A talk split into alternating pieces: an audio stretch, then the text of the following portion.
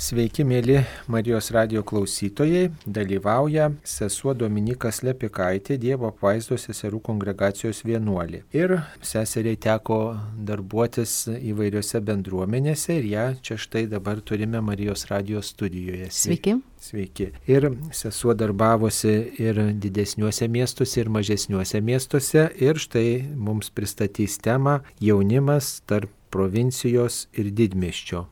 Na, tai koks tas jaunimas, kuo skiriasi tarp provincijos ir didmiščio? Iš tikrųjų, pačiai teko darbuotis Vilniuje, kai studijavau nuo 2003 metų.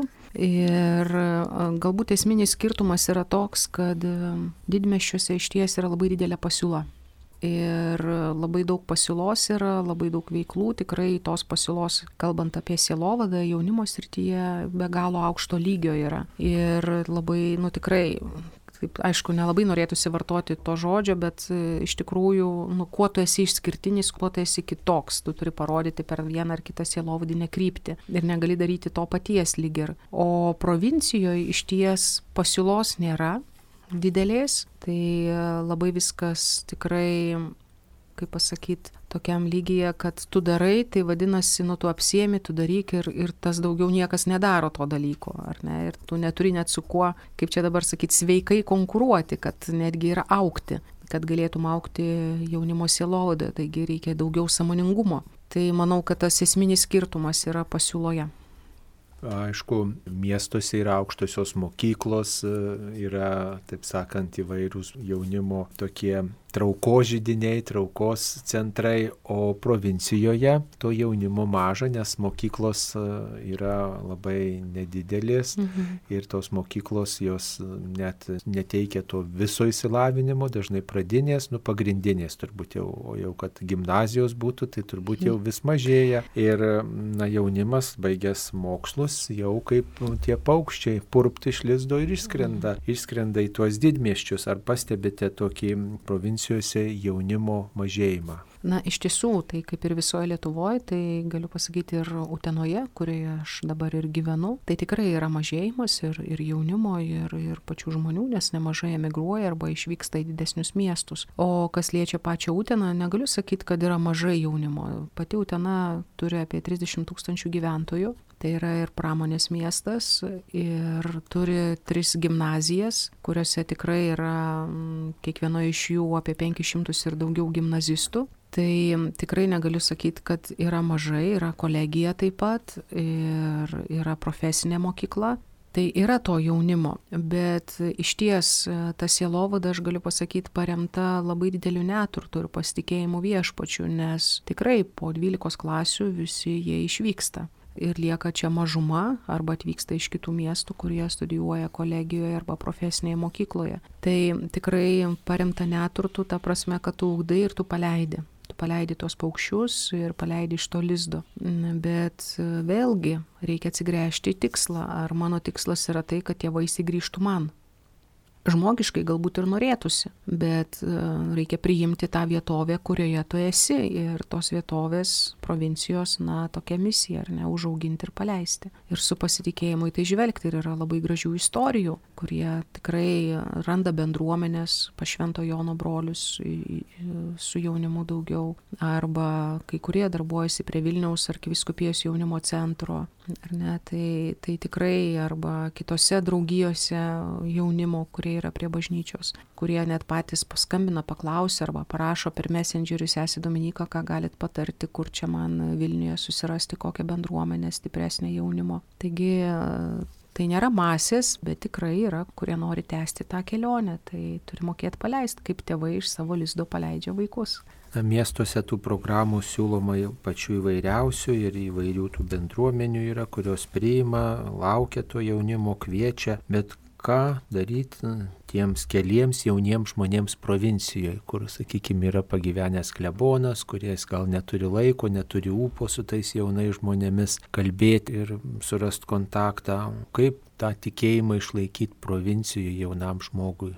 Na matot, aš galiu kalbėti konkrečiai ten, kur aš turiu patirtį, tai šiuo atveju Utenos miestas, kuriame jau gyvenu daugiau negu septyneri metai.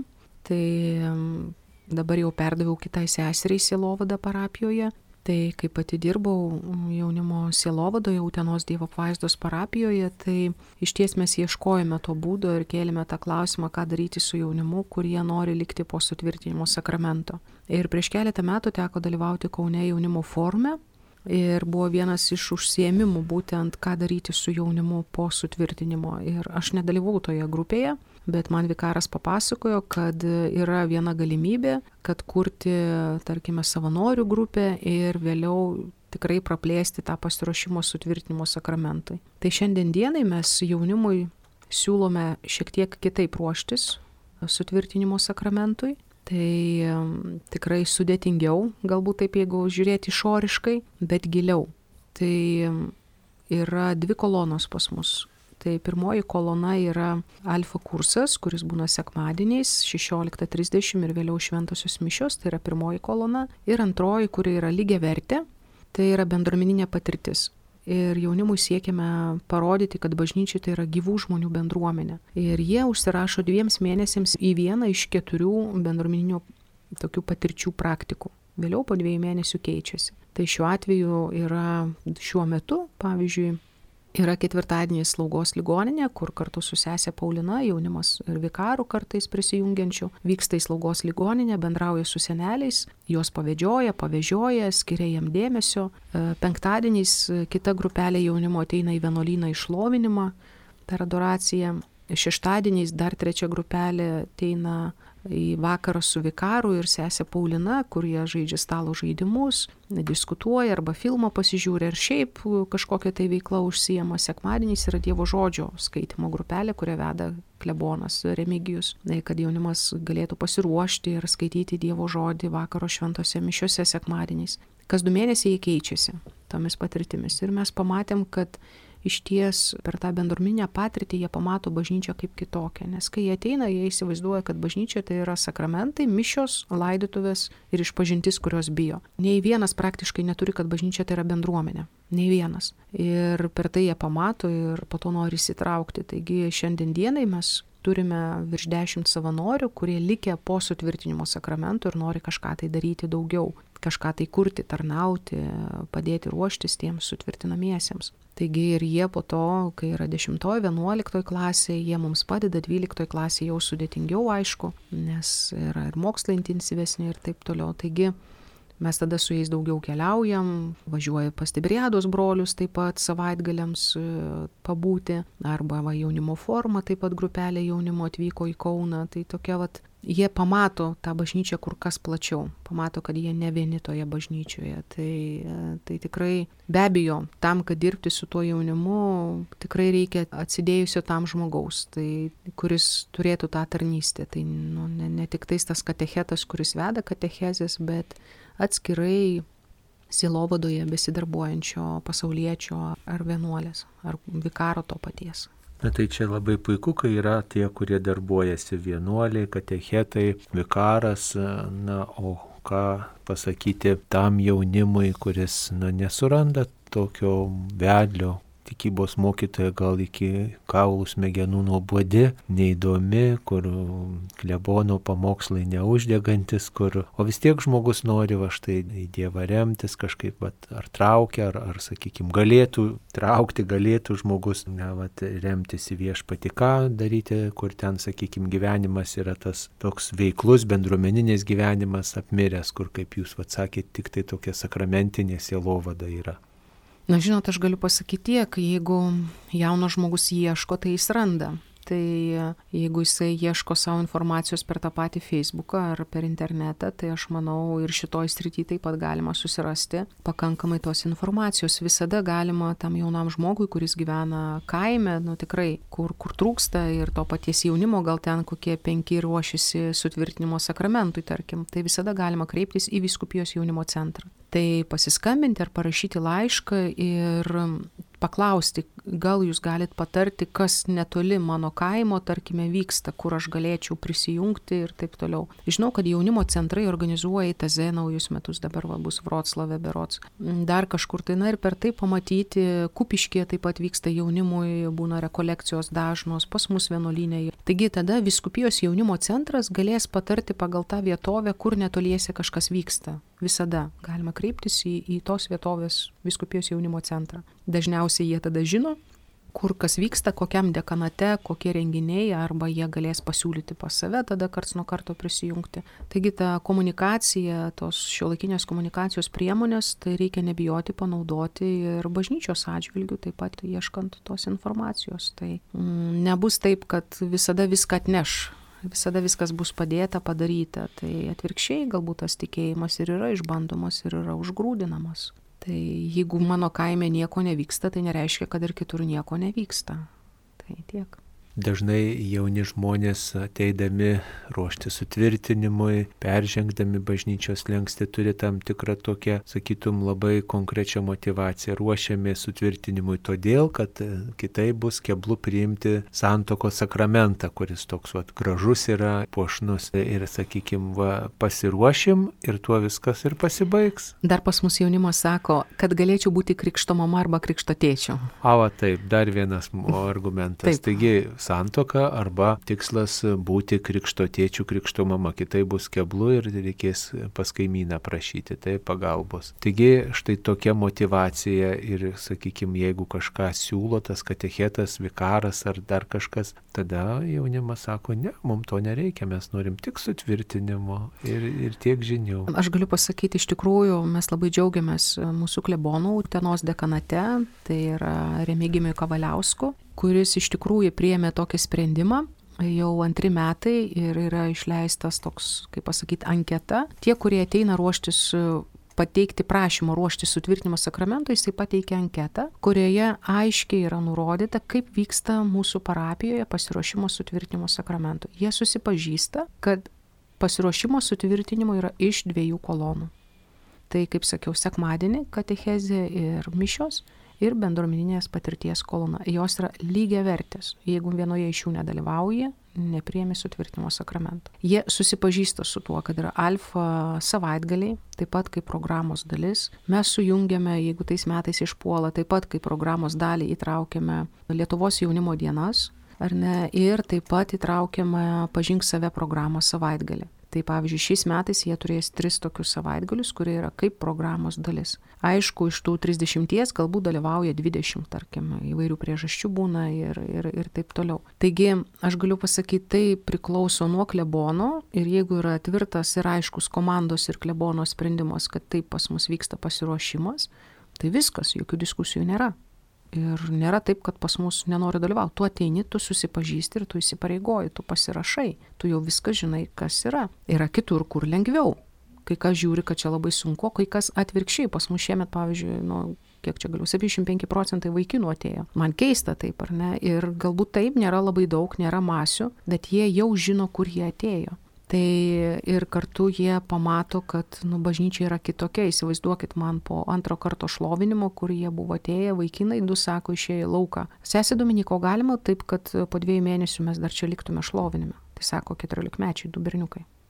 Mums labai faina, labai patiko. Arba ateina išlovinimą, ruošiasi sutvirtinimui ir ateina trys sesės. Nu, sakau, tai gal jau po šlovinimo taikiau gyvenate šeimoje. Nu, žinot, visko būna, ar ne, kai trys sesės. Sako, nu, vieną dieną vakar nesipykome. Tai gerai, sakau, po šiandien šlonių pabandykit savaitę laiko. Ir įsivaizduokit, ateina po savaitės laiko ir pirmąjį žodžiai, kuriuos ištarė man, sako, mes savaitę laiko nesipykom. Tai, nu, kaip pasakyti, yra maži dalykai, ar ne? Arba tas pats jaunimas, kaip pirmom savaitėm po šlovinimo norėjo kuo greičiau bėgti iš, iš to vienuolyno ir, ir taip toliau, dabar jos reikia, nu, kultūringai išprašyti, nes pusantros valandos užsitęsia kakavos gerimas po šlovinimo ir tėvai po pusvalandį ir daugiau su mašinom lukuriuoja jų prie vienuolyno. Tai nu, kaip pasakyti, aš galiu tarti, kad jaunimui, nu, kaip pasakyti, patiktų tą ne emocinę prasme, bet kad tikrai jie išgyventų bendrystę, reikia labai daug sveikatos, labai daug jėgų ir net mestinai tai daryti.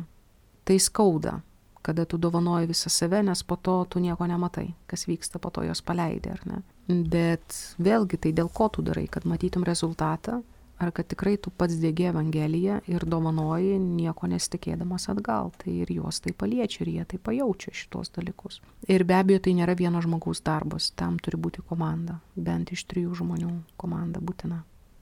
O kas toj komandai turi dalyvauti?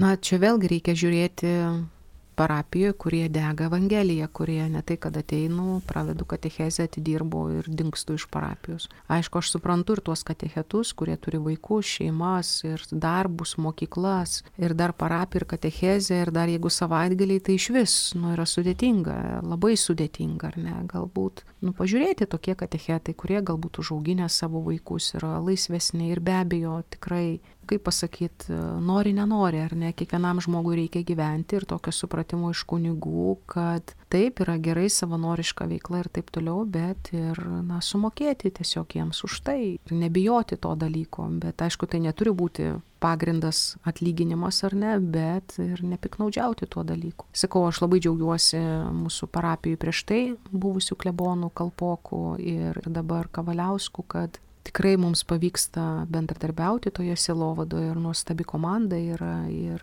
tikrai degam tą pačią mintim ir pavyksta tikrai siekti to paties tikslo. Aišku, na, turbūt egzistuoja toks dalykas kaip ir kartų konfliktas. Ar, sakykime, vyresnis žmogus supranta jauną žmogų?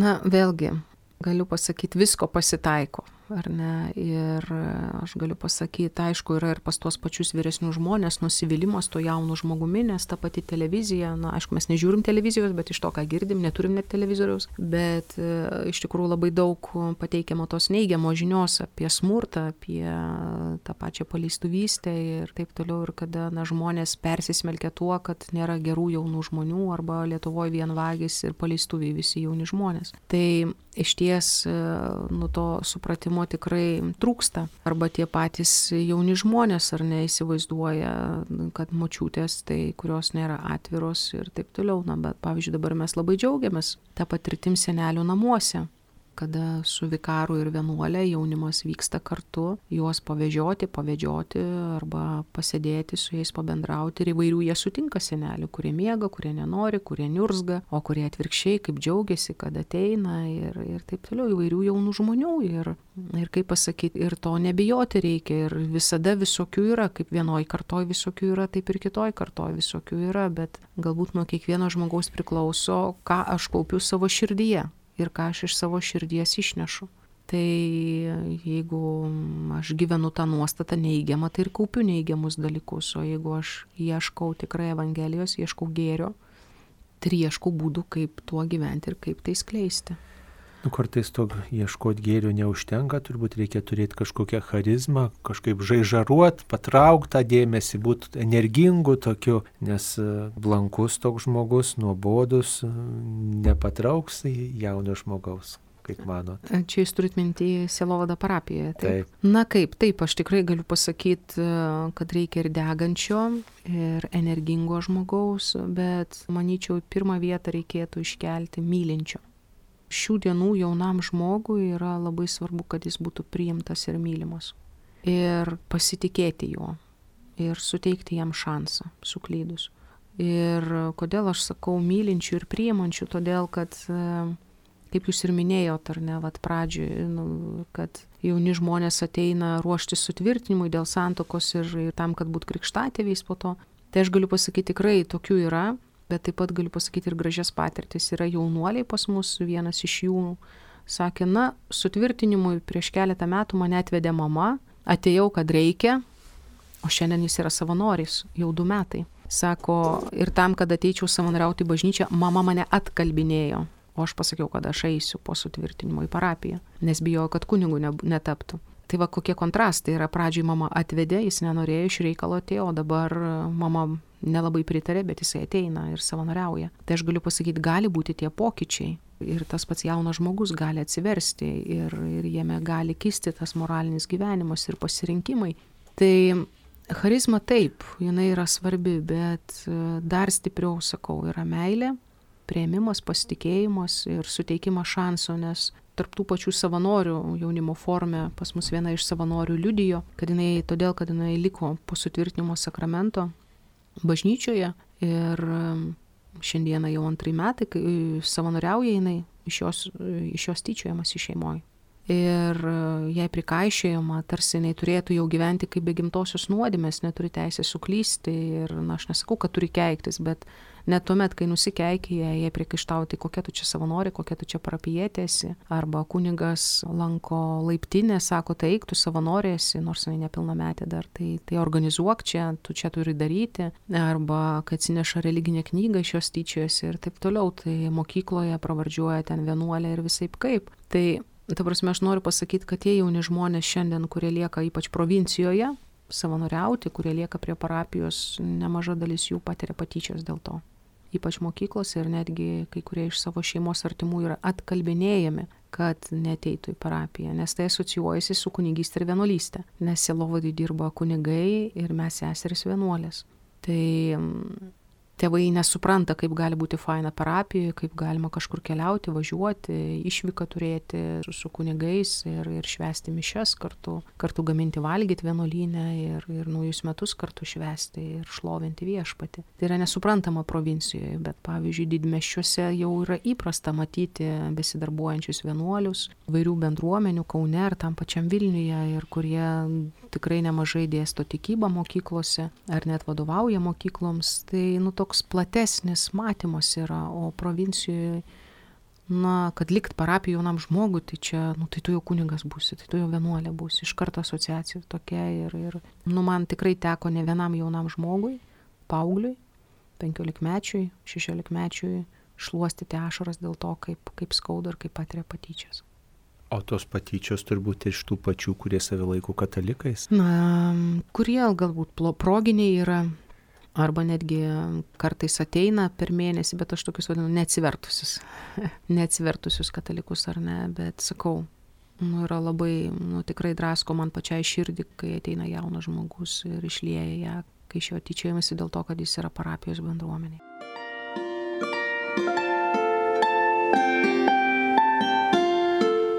Jūs girdite Marijos radiją.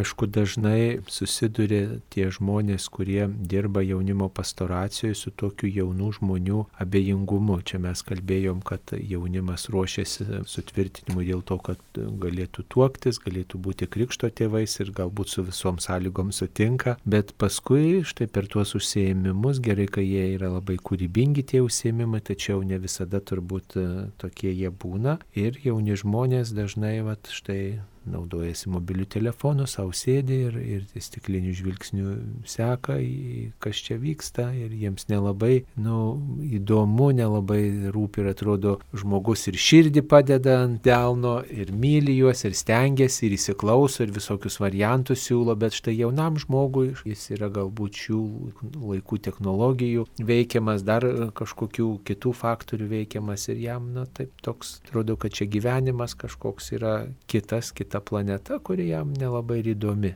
Aišku, tokių yra, tikrai sakau ir nebijau slėpti, ar ne, nu, kas liečia mobilius telefonus, tai tikrai pavyksta su tuo susitvarkyti, nėra pas mus, kad čia katechezis ar kažkur jo, jais naudotųsi. Tai čia, manau, yra drausmės dalykai, kurie yra, bet tikrai tokie ateina stiklinėm akim, ar ne, ir, ir kurie tokie abejingi yra ir visa kita, bet ką aš matau, kad būtent bendruomeninė patirtis pažadina juos supurto kažkiek juos, nes tai, na, prieit prie seno žmogaus, ar ne, ir ar pamatyti sergantį gulinti ant patalo ir besišypsantį, arba persmelktą kančios, na, kažką pažadina, net ir tą bejingą širdį, ar, pavyzdžiui, kai jie ateina pas mus išlovinimą prieš išvenčiausiai sakramentą, ir mes netgi juos kviečiam paimti žvakutį ir uždegti ten, įbesti į smėlį, tai Ir mintis tokia net paslėpta yra, kad jie ateitų arčiau prieš išvenčiausi ir jie ten klūpi ir tikrai veidas į veidą yra prieš viešpatį. Ir tu pamatai ašaras akise, kai kurios taip susigraudinusios, nu kažką sukirbina ir suvirpina. Tai aš manau, kad pirmas dalykas, mes norim greito rezultato. Mišios, kad ateitų į mišes ir išpažintis. Ar nenorim va to skaičiaus ir to rezultato.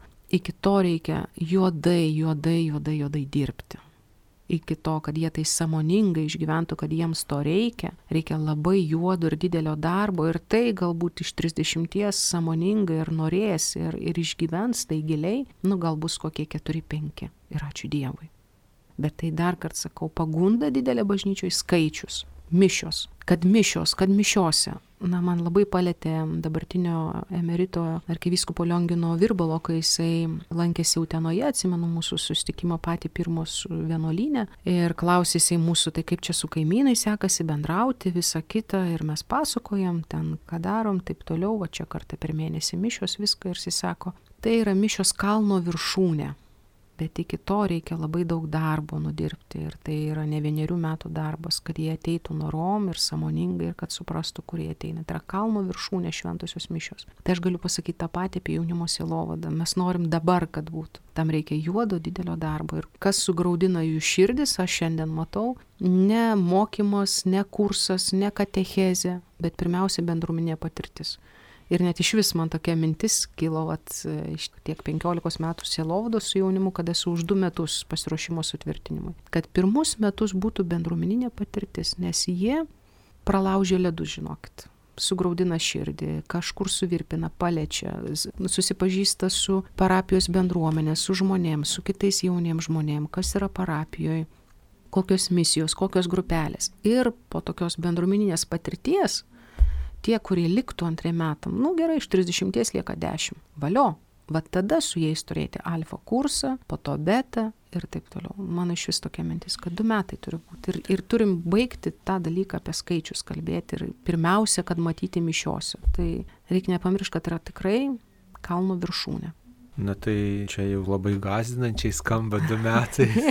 nu čia mano tokia svajonė, svajoti taip, galima. Taip, taip galima, žinoma, ir reikia svajoti. Va, bet e, dar viena tokia mintis apie tą bendruomeninę patirtį. O jeigu tos bendruomeninės patirties nėra, nu nėra bendruomenės, yra, va, ateina žmonės, mišiuose dalyvauja, išeina ten mišios užmirusius, dar kažkokie reikalai vyksta parapijoje, nu, dar gal ten yra kažkokio gyvojo rožančiaus draugija, kur atrodo gal ten su jaunimu jaunimu, jeigu susipažins, tai iš vis e, stalčiai išvažiuos jaunimui ir gal geriau nerodė tokios bendruomenės, kokie ten yra, nes labai jau solidaus amžiaus žmonės ir panašiai. Tai, kaip sakoma, ką tada daryti, kai nebėr su kuo supažindinti, nes tiesiog to bendruomeninio gyvenimo ženklų beveik nėra arba visai nėra. Tikrai galiu paprieštarauti, kad ten, kur yra bažnyčia, ten, kur yra kunigas, ten yra bendruomenė tai galbūt jinai, kaip pasakyti, labiau atspindi tą kenčiantį Kristų, suvargusi Kristų,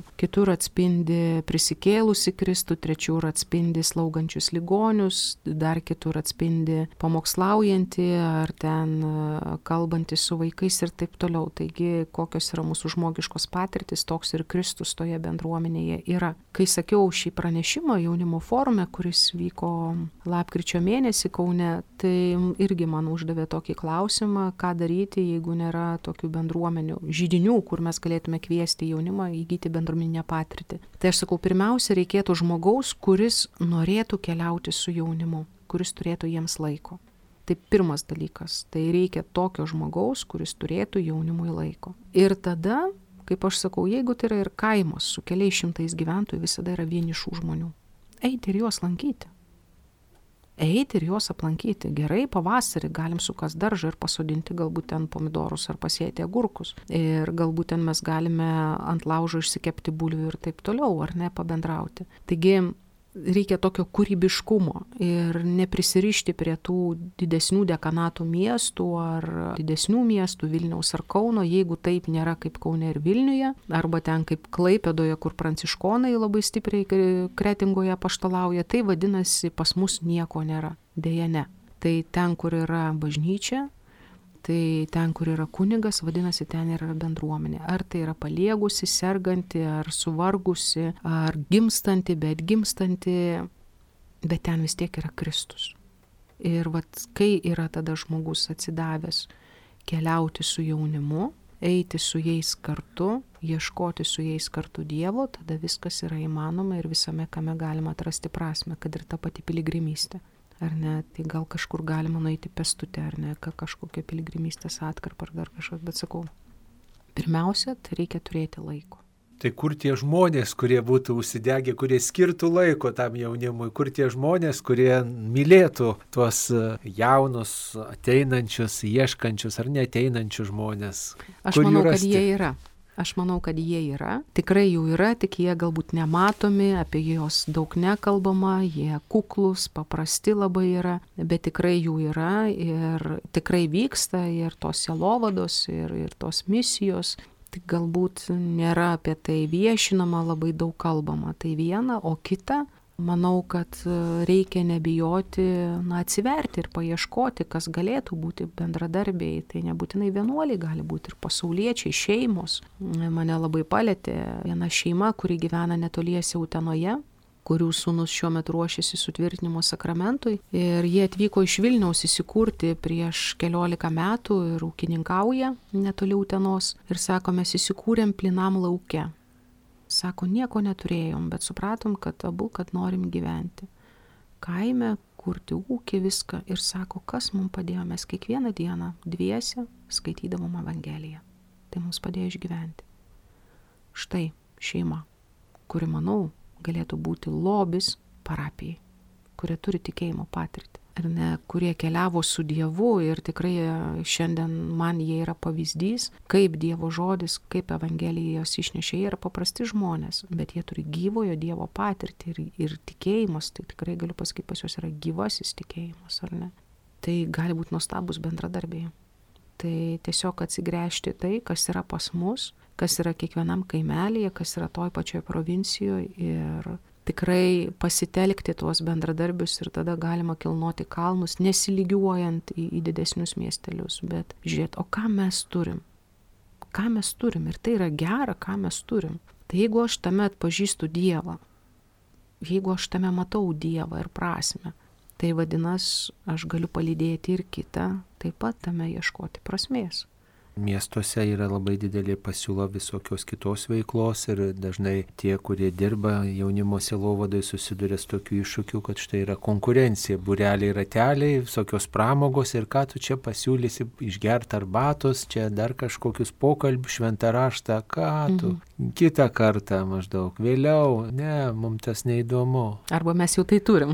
Tai Taip. ką galima būtų, kaip juos patraukti, kaip prakalbinti tos jaunus žmonės, kaip tą širdį jam padėti ant lėkštutės, kai yra daug tokių, na, patrauklesnių pasiūlymų. Mhm. Čia jūs kalbate apie miestus, miestus didesnius. Na, iš tikrųjų, aš dabar, kaip sakau, virš septynių metų jau negyvenu didmestyje, gyvenu Tenoje, nors pati esu Vilnietė. Tai iš ties pasiūlos yra labai daug, ar ne? Tai galbūt reikėtų grįžti ir manau, po truputėlį jau prie to ir grįžta kai kurie silovadiniai centrai ar, ar, ar jaunimo centrai. Bent jau matau, vad Kauno arkiviskupijos jaunimo centras, Vilniaus arkiviskupijos jaunimo centras, kad siūlo neskambės gražias programas programas, turiningas kažkokias programas, bet, na, paprastą pasikalbėjimą, paprastą pabuvimą.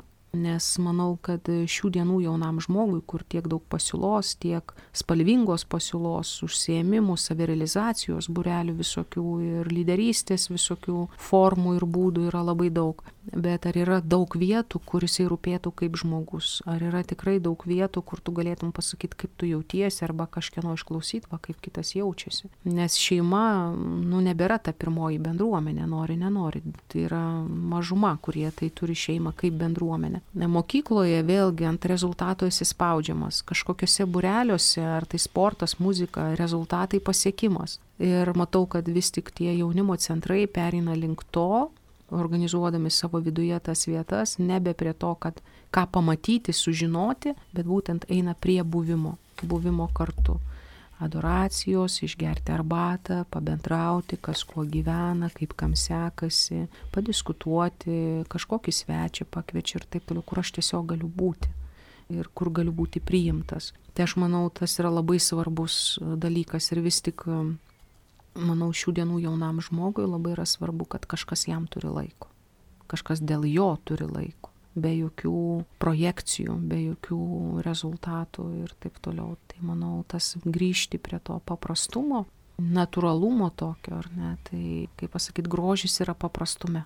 O jums netrodo kartais, kad e, mes gal per daug kalbam apie tą jaunimo pastoraciją, apie dėmesį jaunimui ir štai vat teis ten keli ir tai labai gerai štai, o vis tiek reikia tą daryti ir leisti ir energiją ir galų galai skirti lėšas ir, ir žmonių ieškoti. Ir tam jaunimui pasiklausė, na, pasiklausė, pasiklausė, ai, yra įdomesnių dalykų galbūt ir, ir kažkuo kitų užsima. Ar nereikėtų daugiau rūpintis šeima, ypatingai kai ta šeima šeima galbūt ir kritiškai nusiteikus arba, na, sakytume, nusiteikus gal taip tradiciškai, štai tu pasiruoši ir, ir kuo ten daugiau eiti, kuo tu ten daugiau eisi, tai gal tada bus, kaip sakant, vienu įpū, na, atlikti keli darbai ir tas jaunas žmogus pasiektas ir aišku, ta šeima bus pasiekta, jeigu bažnyčia štai skirtų daugiau dėmesio šeimų pastoracijai. Iš tikrųjų taip, aš pritariu jūsų minčiai ir apie tai labai daug galvojau, kad, na, nu, iš tikrųjų dar vis pas mus yra tas toksai įvaizdis, kad kai ištinka bėda, tada žiūrim, kaip padėti šeimai, ar ne. Bet e, iš ties trūksta šeimų evangelizacijos, trūksta šeimų bendruomenių, taip yra tas šeimų universitetas arba organizuojami ten šeimų savaitgaliai įvairūs ir taip toliau, bet trūksta burelių šeimoms tikrai jų trūksta. Aišku, jeigu pasižiūrėtume rezultatus, tai daugiau negu pusė šeimų išsiskiria.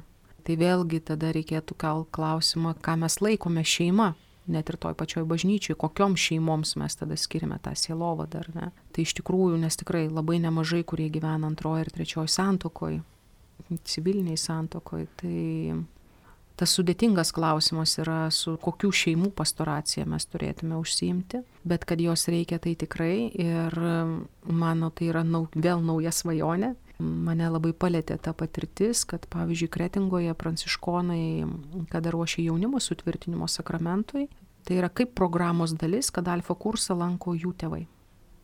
Taip, aš sutinku, yra darbai, yra šeima, yra vaikai, yra bureliai, yra viskas ir taip toliau. Bet nu, niekada, kaip sakyti, nebus tinkamo laiko skelbti Evangelijos. Niekada jo nebus. Tai jeigu mes į tai žiūrėsim, į sąlygas ar šeimos sąlygas, jų niekada nebus tinkamų, visada bus iššūkių.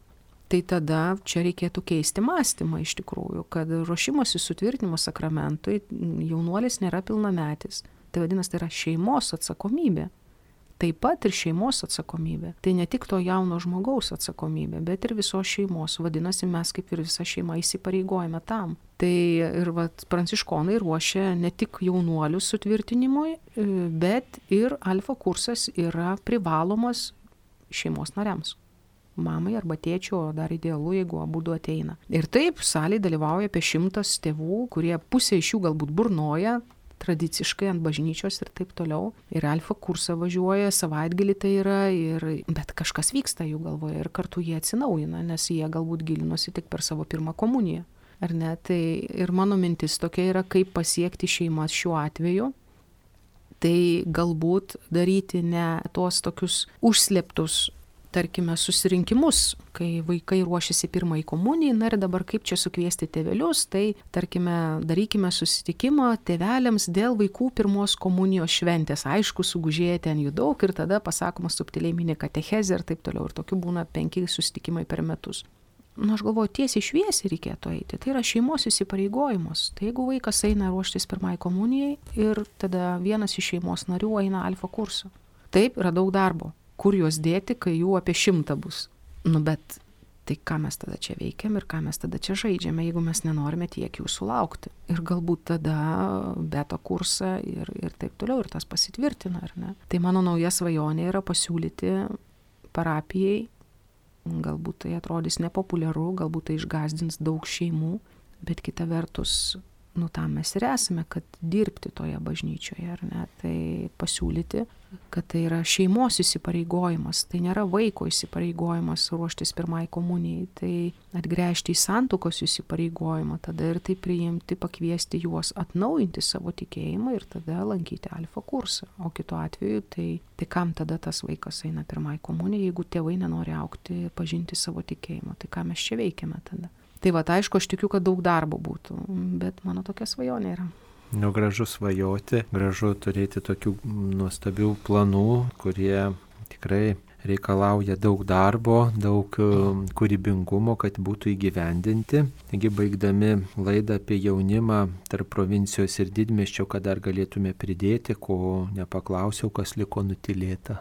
Manau, pagrindas viso to yra neveiklumas, ar ne, bet e, degimos Evangelija. Ir kaip popiežius Pranciškus kalba tame dokumente, kuris parašytas jaunimui Kristus Vyvi, tai vis tik e, jaunystė tai yra kylant iš viešpaties, ne mūsų amžiuje. Nėra, kad nebetinkamas amžius skelbti Evangeliją. Jeigu yra gyvas tikėjimas, gyva asmeninė Dievo meilės patirtis amžiaus nėra ir tai yra mūsų jaunystė. Ir nebijoti eikvoti energijos, nebijoti klysti, nebijoti ieškoti, bet aš manyčiau, kad pati didžiausia ir baisiausia lyga tai yra stovėti vietoje. Ir manau, kad piktojo laimėjimas yra uždaryti žmonės bažnyčioje. Tai yra piktojo laimėjimas, kad mes įsivaizduotume, kad bažnyčia tai yra tik tais tai, kas vyksta joje.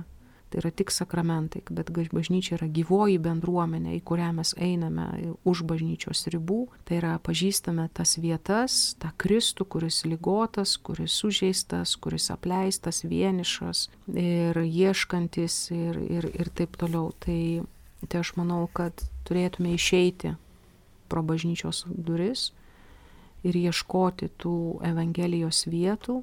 Ir ten, kur yra žmogus, ten yra ir Dievas. Ir nėra tinkamo ar netinkamo laiko. Jeigu taip žiūrėti, niekada nebus tinkamas laikas. Ir kuo jis netinkamesnis, tuo labiau perkeltinė prasme yra tinkamas liudyti Evangeliją savo gyvenimu. Ačiū sesiai Dominikai Slepikaitė iš Dievo vaizdos seserų kongregacijos, kuri kalbėjo tema jaunimas tarp provincijos ir didmiščio apie jaunimo pastoraciją. Taigi linkiu, mėla sesė, kad išliktumėt visada jauna savo širdimi ir nepristiktumėt kūrybingumo pastoracijoje ir taip pat kūrybingos krikščionybės, kūrybingos evangelizacijos. Linkiu visiems Marijos radio klausytojams. Sesė Dominika kalbinau aš, kunigas Saulis Bužauskas. Sudė. Sudė.